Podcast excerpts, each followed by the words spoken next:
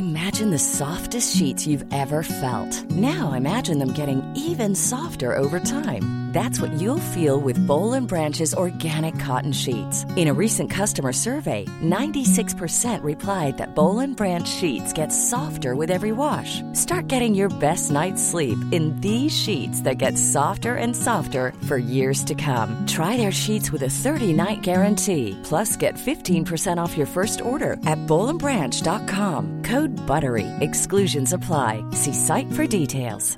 Ryan Reynolds here from Mint Mobile. With the price of just about everything going up during inflation, we thought we'd bring our prices down. So to help us, we brought in a reverse auctioneer, which is apparently a thing. Mint Mobile unlimited premium wireless. Have to get 30, 30, bit to get 30, bit to get 20, 20, 20, bit to get 20, 20, bit to get 15, 15, 15, 15 just 15 bucks a month. So, Give it a try at mintmobile.com slash switch. $45 upfront for three months plus taxes and fees. Promo rate for new customers for limited time. Unlimited more than 40 gigabytes per month. Slows. Full terms at mintmobile.com.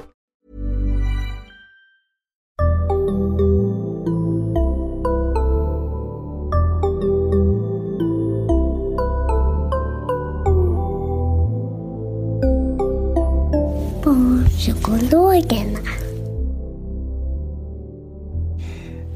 Välkommen till Barnpsykologerna, en podcast med Liv Svirsky och Lars Klintvall.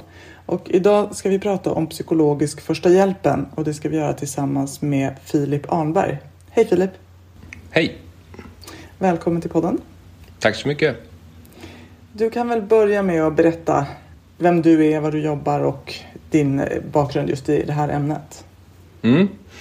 Eh, min eh, bakgrund är som psykolog. Jag utbildade mig till psykolog i Uppsala för, eh, ett, för många år sedan. Och jag har sedan dess jobbat som psykolog med behandling inom vuxenpsykiatrin lite grann. Men min största del av tiden har jag ju ägnat åt forskning om psykiskt trauma på olika sätt.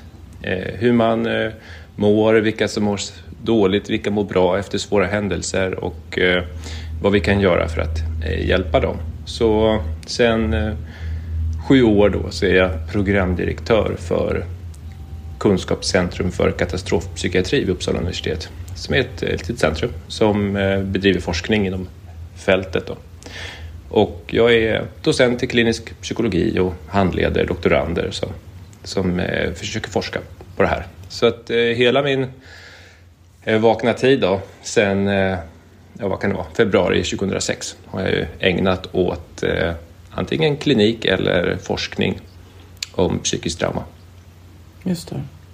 Du, för att börja då, vad är psykiskt trauma? Mm. Eh, psykiskt trauma är ett, eh, är ett namn på när mycket svåra händelser inte släpper sitt grepp om vårt mentala liv. Utan vi upp, kan uppleva det som att eh, en händelse hemsöker oss på olika sätt. I form av eh, mardrömmar eller eh, att det poppar upp som minnesbilder. Men generellt kan det också vara att man har varit med om någonting som man kämpar väldigt mycket med att bara i, inte försöka tänka på, bara pressa bort det. Eh, och så kan det få effekter, att man kan känna sig anspänd eller eh, nervös eller eh, nedstämd. Så att eh, psykiskt trauma är som ett paraplybegrepp för egentligen många olika typer av reaktioner men som svåra och jobbiga konsekvenser av eh, mycket svåra händelser. Och vad kan det vara för slags händelser som ger ett psykiskt trauma?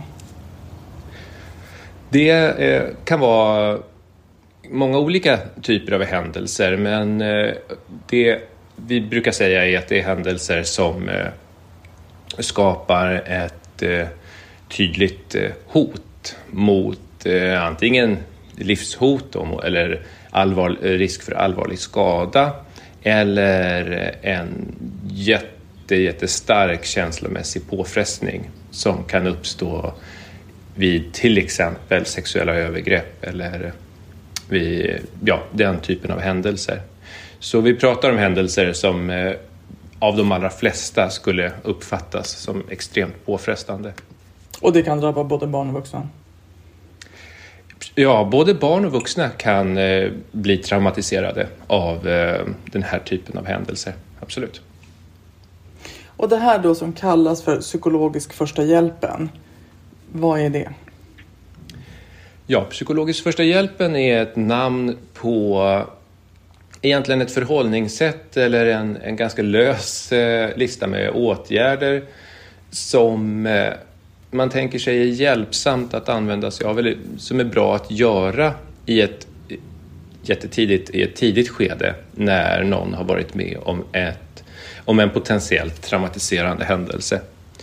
Och eh, psykologisk första hjälpen utformades eh, eh, Eh, av eh, några forskare i USA och har sedan också eh, vidare beskrivits i, i form av en kort eh, eh broschyr av WHO. Och det finns en, en övergripande samstämmighet kan vi säga bland oss som håller på med det här att psykologisk första hjälpen är nog, är nog ganska bra i, för att, att ha som vägledning när vi ska hjälpa personer som alldeles nyss har varit med om något mycket svårt.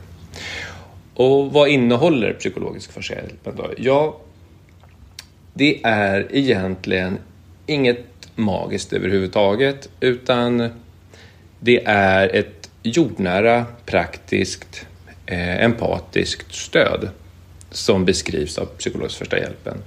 Eh, vi eh, ska hjälpa personer på ett sätt som eh, eh, tillgodoser deras eh, omedelbara behov och eh, kan bidra med att i ett sånt här jättesvårt läge ingjuta lite hopp och eh, visa de drabbade att de inte är ensamma utan att det finns andra som kan stödja. Och lite mer konkret, jag, jag tänker i första hand då, då, gäller det här den sortens trauma som man vet om, kanske då inte till exempel sexuella övergrepp eftersom det kan ske i tysthet under en lång tid. Utan det kanske är mera då liksom olyckshändelser eller naturkatastrofer eller ja, skolskjutningar? Alltså... Ja, det är en bra fråga. Eh, det, egentligen är det ju så att psykolog, alltså psykologisk första hjälpen som sagt, det är ett sätt att strukturera och, och, och, hjälpa personer att förstå att ett, ett jordnära stöd är det som är tillräckligt. Och det tänker vi oss funkar efter alla typer av svåra händelser. Eh, för att Saken är ju den att vi människor, vi har liksom en uppsättning med eh, vi har en uppsättning med svar, eller ett system som går igång när vi ska svara på extremt stressande händelser. Och det systemet som vi människor har, det är ju det vi använder oavsett om det är en misshandel, en naturkatastrof eller om det är en eh, bilolycka eller någon annan typ av svår händelse. Så den här typen av insatser tänker vi oss kan funka när helst en person ska möta någon som har drabbats av någonting mycket, mycket svårt. Eh, och vad är det exakt man ska göra i psykologisk första hjälpen då? Ja, det handlar om att förstå att personer som är med om hemska situationer har en god prognos och kommer förmodligen att kunna återhämta sig om vi eh, hjälper dem eh, att, med det som de upplever att de behöver eh, hjälp med. Vi ser till att de inte är ensamma mer än, mer än de vill vara utan att de eh, engagerar sig liksom socialt och att man är med dem, pratar med dem om de vill det. Eh, att man ser till praktiska eh, behov. Vad kan de behöva hjälp med här och nu? Och det kan vara så väldigt grundläggande saker som eh, att de, alltså i ett akut läge så kan det vara att de behöver mat, vatten, att de fryser och att man kommer till rätta med sådana saker. Men hemma i en lägenhet när man har fått veta att någon har varit med om någonting, kan, då kan det vara att man erbjuder hjälp med eh, kontakt med, det kan vara polisen eller eh, med skolan eller kontakt med liksom samhällets myndigheter. Så den röda tråden som går igenom psykologisk försäljning är att vi frågar den drabbade vad de behöver hjälp med. Och sen så ser vi hur vi kan göra det åt dem på ett, på ett empatiskt sätt. Eh, och så vill jag säga en sak till om det här med psykologisk första. Det är ju en beskrivning av hur vi gör det här väldigt enkla på ett bra sätt. Men det är också tänkt att hjälpa oss att putta oss lite över den där kanten så att vi faktiskt tar det första steget och frågar någon om de behöver hjälp. För i alldeles för många situationer så kan vi se att någon som har varit med om något svårt kanske mår lite dåligt men vi tänker oss att den får kanske fråga om hjälp först så att vi inte tränger oss på. Eh, och den här idén om psykologisk första hjälpen handlar om att lägga det där åt sidan och förstå att vi som är runt omkring en person som har varit med om något svårt, vi behöver nog bryta isen och i alla fall fråga om vi kan hjälpa till med någonting. Så att vi kan få igång ett samtal eh, om vad vi kan göra istället för att det hela blir en tystnad och att vi inte kommer åt att hjälpa. Hur, eh, om personen då skulle säga att nej, jag vill vara i fred, lämna mig i fred, vilket ju också skulle kunna vara en ganska normal reaktion på vissa trauman. Hur mycket ska man respektera det eller ska man liksom fråga igen efter en viss tid eller, eller ska man låta personen då faktiskt vara i fred? Ja, det där är en fråga som eh, dyker upp emellanåt. Och eh, eftersom jag är delvis då psykolog så vill jag ju gärna säga att det beror på. Mm. att det, det, kan finnas olika... det, det beror på situationen. Men vi ska vägledas av att alla människor måste inte prata ingående med alla om vad de har varit med om för att kunna återhämta sig och bearbeta händelsen och gå vidare. Vi ska vägledas av att, alla, att vi, vi har alla olika roller i vår relation till en person. Någon kanske är fixaren och någon annan är den som, som den drabbade känner att den kan prata mest med. Vi, vi behöver inte vara allt på en och samma gång åt någon, eh, alltid, utan om någon säger att de inte vill prata om det, ja men då tar vi det som att de vet att de tycker det här och nu Ehm, och det är viktigt då att respektera viljan hos någon som har varit med om någonting mycket svårt. Den här typen av händelser jag pratar om rycker ju oftast undan mattan och känslan av kontroll för en person. Och vi säger då att det här med psykologisk första hjälpen, det handlar om att hjälpa en person att återfå en känsla av kontroll. Och det gör vi ju det genom att lyssna på den personen och försöka vara följsamma. Men vi försöker sedan återkomma en liten stund senare. Det kan vara ett par dagar eh, eller ännu längre eh, efteråt och hör om det har ändrats. Du, jag tänkte på det här Eh, med att den här saken har hänt och förra gången sa du att du inte vill prata om det. Jag vill bara höra om det har ändrats. Så behöver man inte göra en så stor sak av det, men att vara följsam innebär att vara lite uppmärksam och se till att det är tydligt att min hjälp finns här ifall någon skulle vilja ha det. När man pratar om första hjälpen så låter det, man tänker ju lätt på den här liksom somatiska första hjälpen, alltså efter en bilolycka, som andning, blödning, chock. Och då är det ju snabbt, då är det ju korta tider vi pratar om. Hur, hur tänker man tidsperspektivet när det gäller psykologisk första hjälpen? Tidsmässigt eh, så är det här ju en åtgärd som är utformad, i första hand så togs den ju fram för att hjälpa personer i ett mycket tidigt skede. I, det kan vara krisstödjare som ska åka och, och, hjälpa personer som har varit med om en bussolycka eller liknande.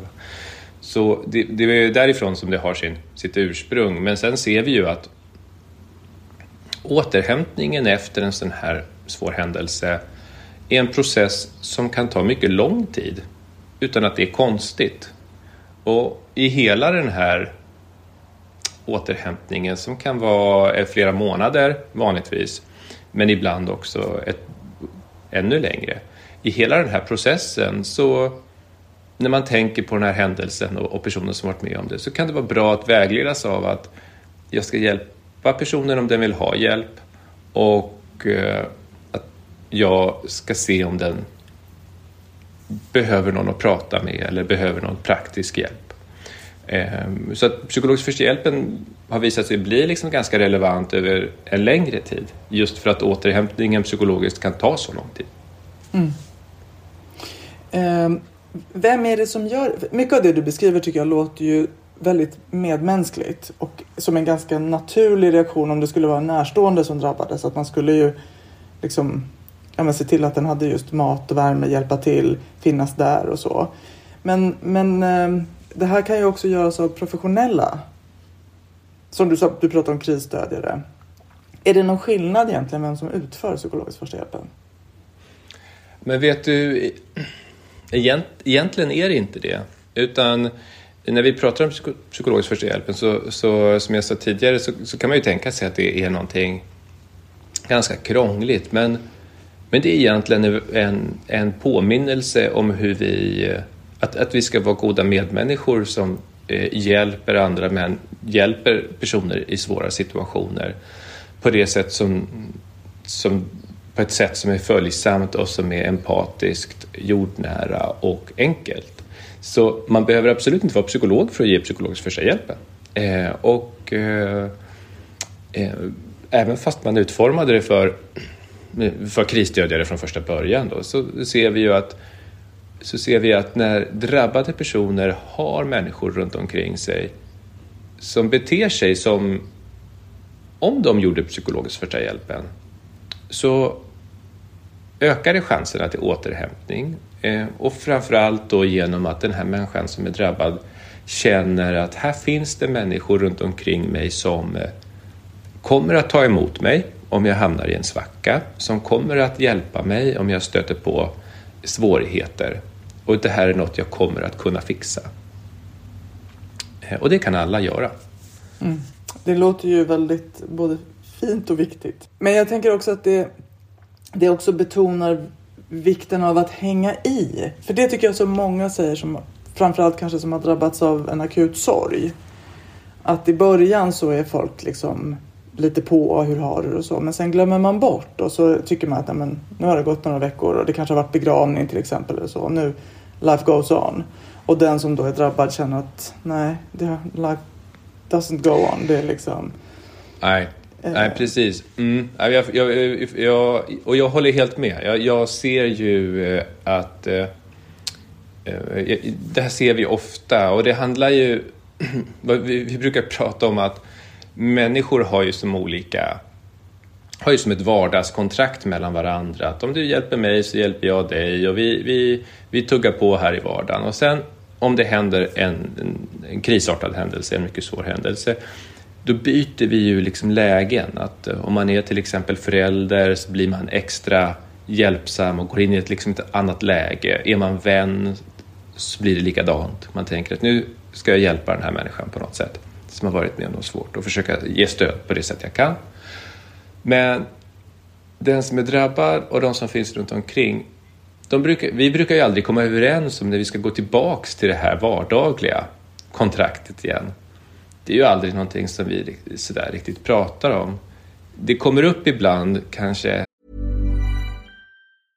Imagine the softest sheets you've ever felt. Now imagine them getting even softer over time. That's what you'll feel with Bowl and Branch's organic cotton sheets. In a recent customer survey, 96% replied that Bowl and Branch sheets get softer with every wash. Start getting your best night's sleep in these sheets that get softer and softer for years to come. Try their sheets with a 30-night guarantee. Plus, get 15% off your first order at bowlandbranch.com. Code BUTTERY. Exclusions apply. See site for details.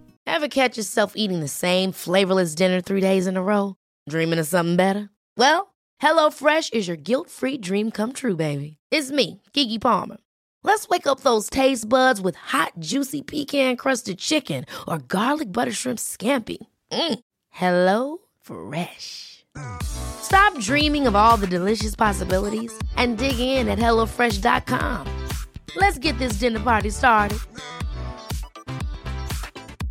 Quality sleep is essential. That's why the Sleep Number Smart Bed is designed for your ever evolving sleep needs. Need a bed that's firmer or softer on either side? helps you sleep at a comfortable temperature? Sleep Number smart beds let you individualize your comfort so you sleep better together. JD Power ranks Sleep Number number 1 in customer satisfaction with mattresses purchased in-store. And now, save 50% on the Sleep Number limited edition smart bed for a limited time. For JD Power 2023 award information, visit jdpower.com/awards. Only at a Sleep Number store or sleepnumber.com. På ett jobbigt sätt för att någon säger kan du inte sluta prata om det där någon gång eller du, lägg det bakom dig och gå vidare. Den där typen av kommentarer handlar ju om att äh, men nu måste vi liksom mötas på det vardagliga sättet igen. Men eftersom människor har så olika återhämtningstakt så klaffar det där ganska sällan. Och här kan vi ju se en nackdel med psykologisk första hjälpen och det är ju att namnet verkligen, som du är inne på, tydligen, eller namnet är, är, är så tydligt inriktat på första hjälpen. När vi ur ett psykologiskt perspektiv ser att många slitningar och problem ju kan uppstå senare när strålkastarljuset har slocknat, när folk inte längre tänker på händelsen, förutom kanske den som har varit med om det. Så det är jätteviktigt att ta med sig att det spelar inte någon roll egentligen hur lång tid det har gått sedan händelsen. För att om du som närstående undrar någonting om hur en person har hämtat sig från en svår erfarenhet då finns det ju ett jättebra knep eh, som, som, eh, som jag brukar prata om och det är att fråga. När vi ger psykologisk första hjälpen då försöker vi ju att använda frågor oftare än att ge svar.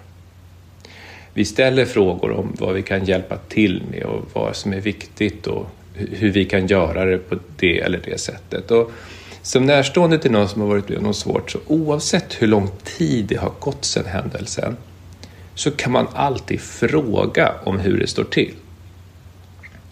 Och de närstående brukar då tänka som att ja, men om alla ska gå och fråga hela tiden, det kommer bli jättepåfrestande. Och då säger jag att ja, det finns ju en mycket, mycket liten risk för det. Kanske så en på miljonen. Att en drabbad känner att oj vad alla bryr sig alldeles för mycket. Eh, risken för det motsatta är däremot väldigt mycket större. Att alla runt omkring tänker att oj nej, nu har det gått så lång tid, jag ska inte, nej men det har säkert gått över och nej men jag ska inte tränga mig på och nej men jag måste lämna personen i fred och så. Och så blir det ingen som pratar om det här. Mm. Och föräldrarna tänker att kompisarna kommer prata om det, kompisarna tänker att det är skolkuratorn som kommer att prata om det skolkuratorn tänker att BUP är inkopplade och, liksom det, och morföräldrarna tänker att farföräldrarna och så vidare och så vidare. Och så sitter det kvar en person som känner att nej men jag kan inte bryta isen med alla de här, bara jag. Liksom. Så oavsett hur lång tiden har gått så kan man alltid fråga. Du, det här som du var med om. Jag tänkte bara, vi har inte pratat om det på så länge. Eh, är det något du tänker på idag eller? Eller så. Och, och, och, känner man att man inte riktigt har liksom en öppning in att prata om en svår händelse. Alltså det, det, och vad jag menar med det är att man, om man känner att man kanske inte riktigt är rätt person för att man inte har den där extremt nära relationen eller man har haft ett gräl eller vad det nu kan vara. Man känner att man har inte rätt att ställa ens, inte ens en fråga om hur någon mår. Fast man ändå tänker att man skulle vilja det, då finns det tillknep och det kan jag eh, berätta. Och det är ju att innan man använder knepet att ställa en fråga så använder man knepet att säga någonting man ser som gör att man vill ställa den här frågan. Och jag kan ju ta ett jätteenkelt exempel och det skulle ju vara att om vi ser någon som gråter som vi inte känner då är det naturligt för oss att säga oj, sitter du här och gråter ensam? Hur är det fatt? Kan jag hjälpa dig? Eh, så då, vi använder oss av det här hela tiden i våra, i våra liv. Men jag vill bara säga att det är något man också kan använda sig av ifall man vill se ifall man kan vara till hjälp på något sätt. Du, jag har sett att du eh, sitter jättemycket på ditt rum nu för tiden. Det gjorde inte du förut. Är det något särskilt som har hänt eller är det något du vill prata om? så, så säg till. Ja, jag finns här. Och det här kan man ju använda på sina kollegor också. Eh, du är inte med på fikapauserna längre. Jag bara undrar, är, är, det, är det något jag kan göra? Så du, du ser att den här... Man, man, säger någonting man ser och, mm. och eh, sen kan man ställa den här frågan och, och erbjuda sig. Och så mm. räcker det bra. Och så får man se var, var den andra personen tar det här någonstans. När ska man då tänka att det kanske behövs mer än det här medmänskliga omhändertagandet? När det faktiskt behövs kanske psykoterapi eller liksom psykologisk mm. behandling? Mm. Ja, men precis. Så, så, risken att fastna i en långvarig traumatisering är väldigt olika för olika människor och, eh, och, och efter olika typer av händelser.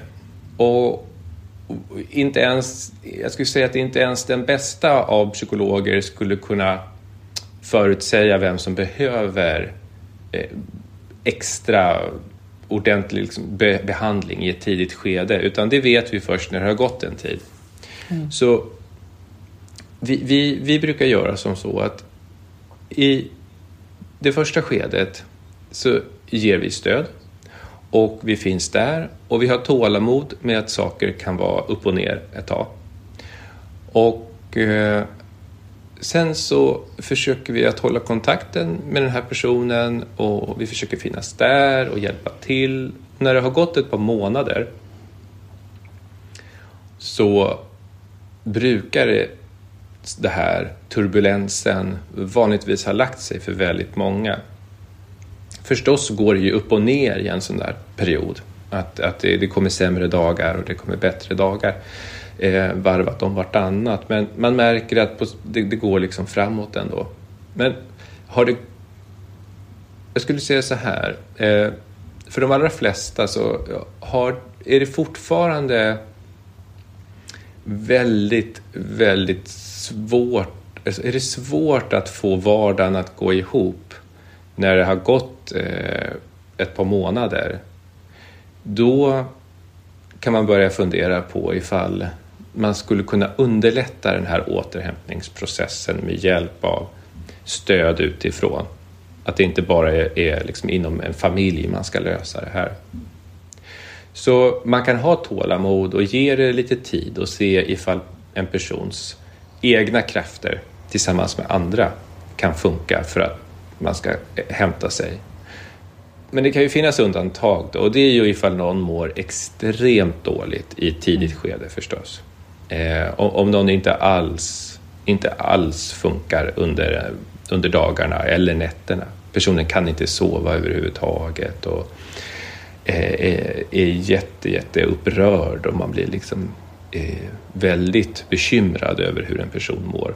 Då kan man söka hjälp tidigare, absolut. Mm. Men för, för, för många så, så kan det vara klokt att i en början ta det lite försiktigt, se tiden an eh, och göra sånt som funkar brukar, brukar hjälpa och, och, och, se om den egna så att säga, läkningsprocessen kommer igång. Eh, och, och, och då ser den ut att göra det, ja, då kan man vänta i någon månad eller två eh, och se vart det här tar vägen. Mm. Har man sett om psykologisk första hjälpen kan förebygga PTSD? Vet man det? Ja, men precis. Eh, Både ja och nej skulle jag säga. Alltså forskning på, forskning på den här typen av tidiga insatser är jättesvårt att göra. Mm. Eh, det, finns några, det finns ett antal studier som man har, eh, där man har tittat på vilka effekter psykologisk första hjälpen har.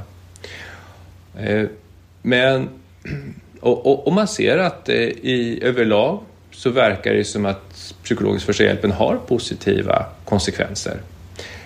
Men det, det, primära syftet med psykologisk första hjälpen det är inte att förebygga någon psykiska problem eller någonting sånt. Det är inte därför vi gör psykologisk första hjälpen. Psykologisk första hjälpen gör vi för att eh, en människa ska känna att det finns ett stöd och att det finns en möjlighet att hämta sig, att ingjuta hopp och optimism.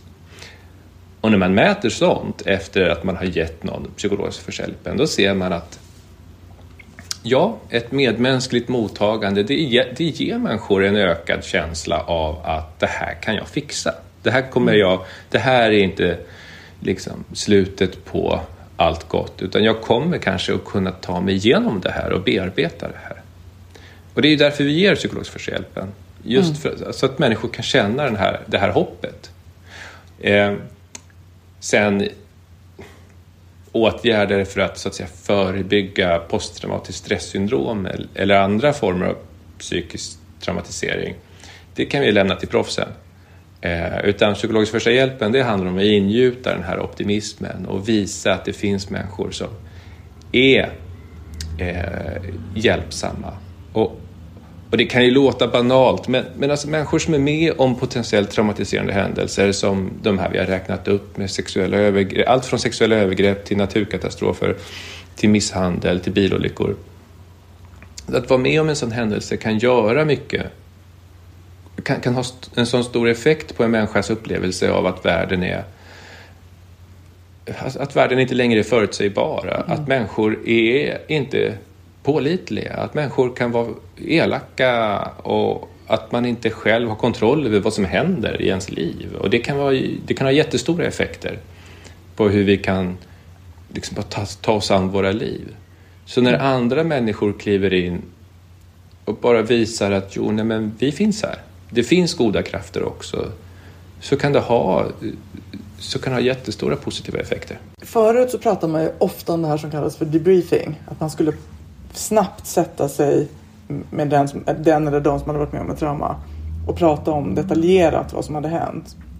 För att det skulle vara ett sätt också då att undvika att det skulle bli PTSD av det. Det är ju inte alls det här som du pratar om, ganska långt ifrån ju där man bara snarare ställer frågor då och finns tillgänglig för personen. Vad säger du om debriefing? Mm, ja, men det, är, det är en bra beskrivning. Så, förr i tiden, så, nu ungefär så, men 30,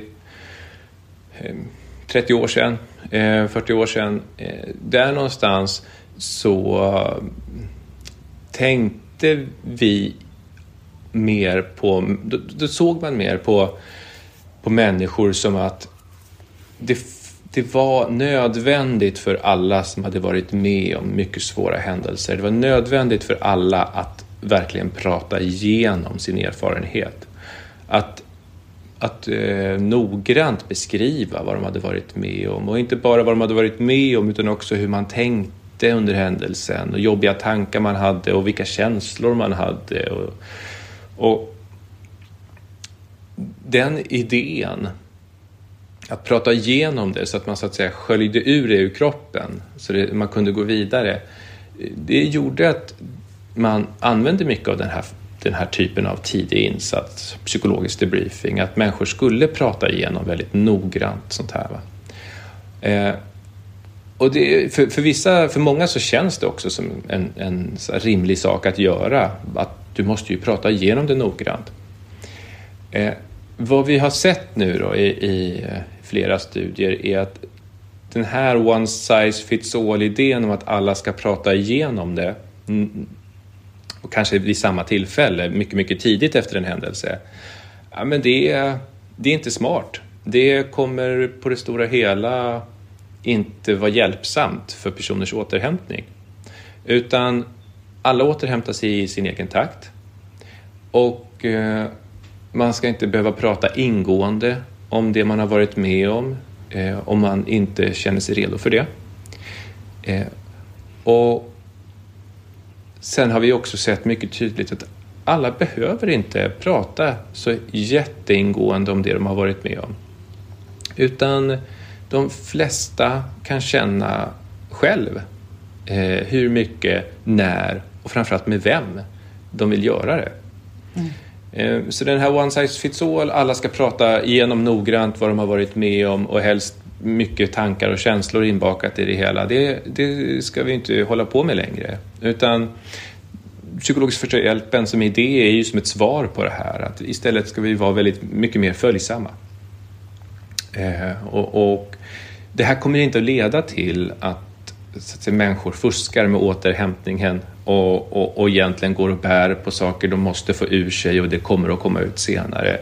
Vi har inte sett några sådana konsekvenser.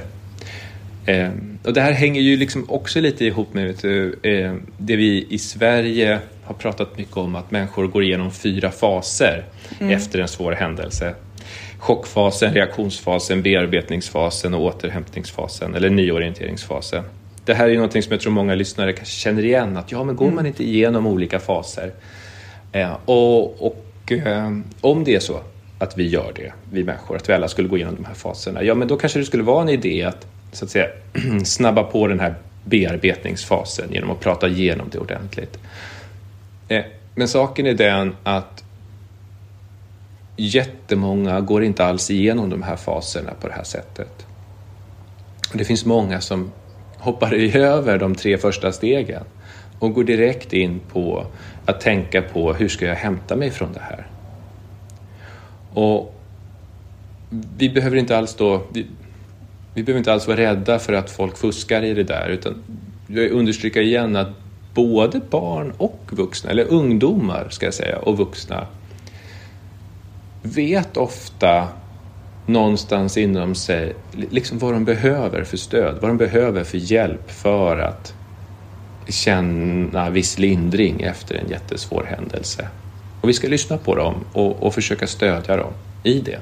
Tack Filip för ett väldigt eh, intressant och tydligt avsnitt tycker jag. Eh, eller klargörande verkligen. Mm, eh, roligt att höra. Ja, verkligen. Och jag tänker att jag, jag hoppas att också våra lyssnare tar med oss just det här.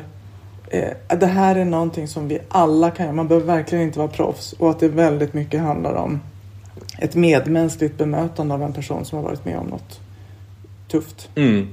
Och, och, vill, man, vill man läsa mer om det här så kan man ju mm. söka på WHO, psykologisk första hjälpen.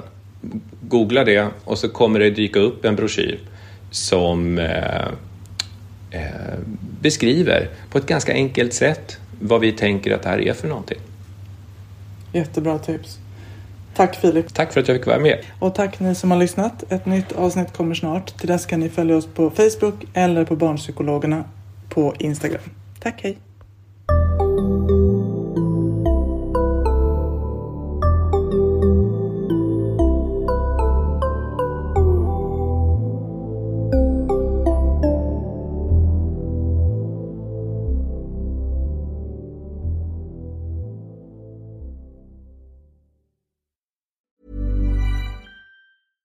Mom deserves the best, and there's no better place to shop for Mother's Day than Whole Foods Market. They're your destination for unbeatable savings, from premium gifts to show-stopping flowers and irresistible desserts. Start by saving 33% with Prime on all body care and candles. Then get a 15-stem bunch of tulips for just $9.99 each with Prime. Round out Mom's menu with festive rosé, irresistible berry chantilly cake, and more special treats. Come celebrate Mother's Day at Whole Foods Market. Hi, I'm Daniel, founder of Pretty Litter. Did you know cats tend to hide symptoms of sickness and pain? I learned this the hard way after losing my cat, Gingy. So I created Pretty Litter, a health monitoring litter that helps detect early signs of illness by changing colors, saving you money and potentially your cat's life. Pretty Litter is veterinarian developed, and it's the easiest way to keep tabs on your fur baby's health right at home. Go to prettylitter.com and use code ACAST for 20% off your first order and a free cat toy. Terms and conditions apply. See site for details.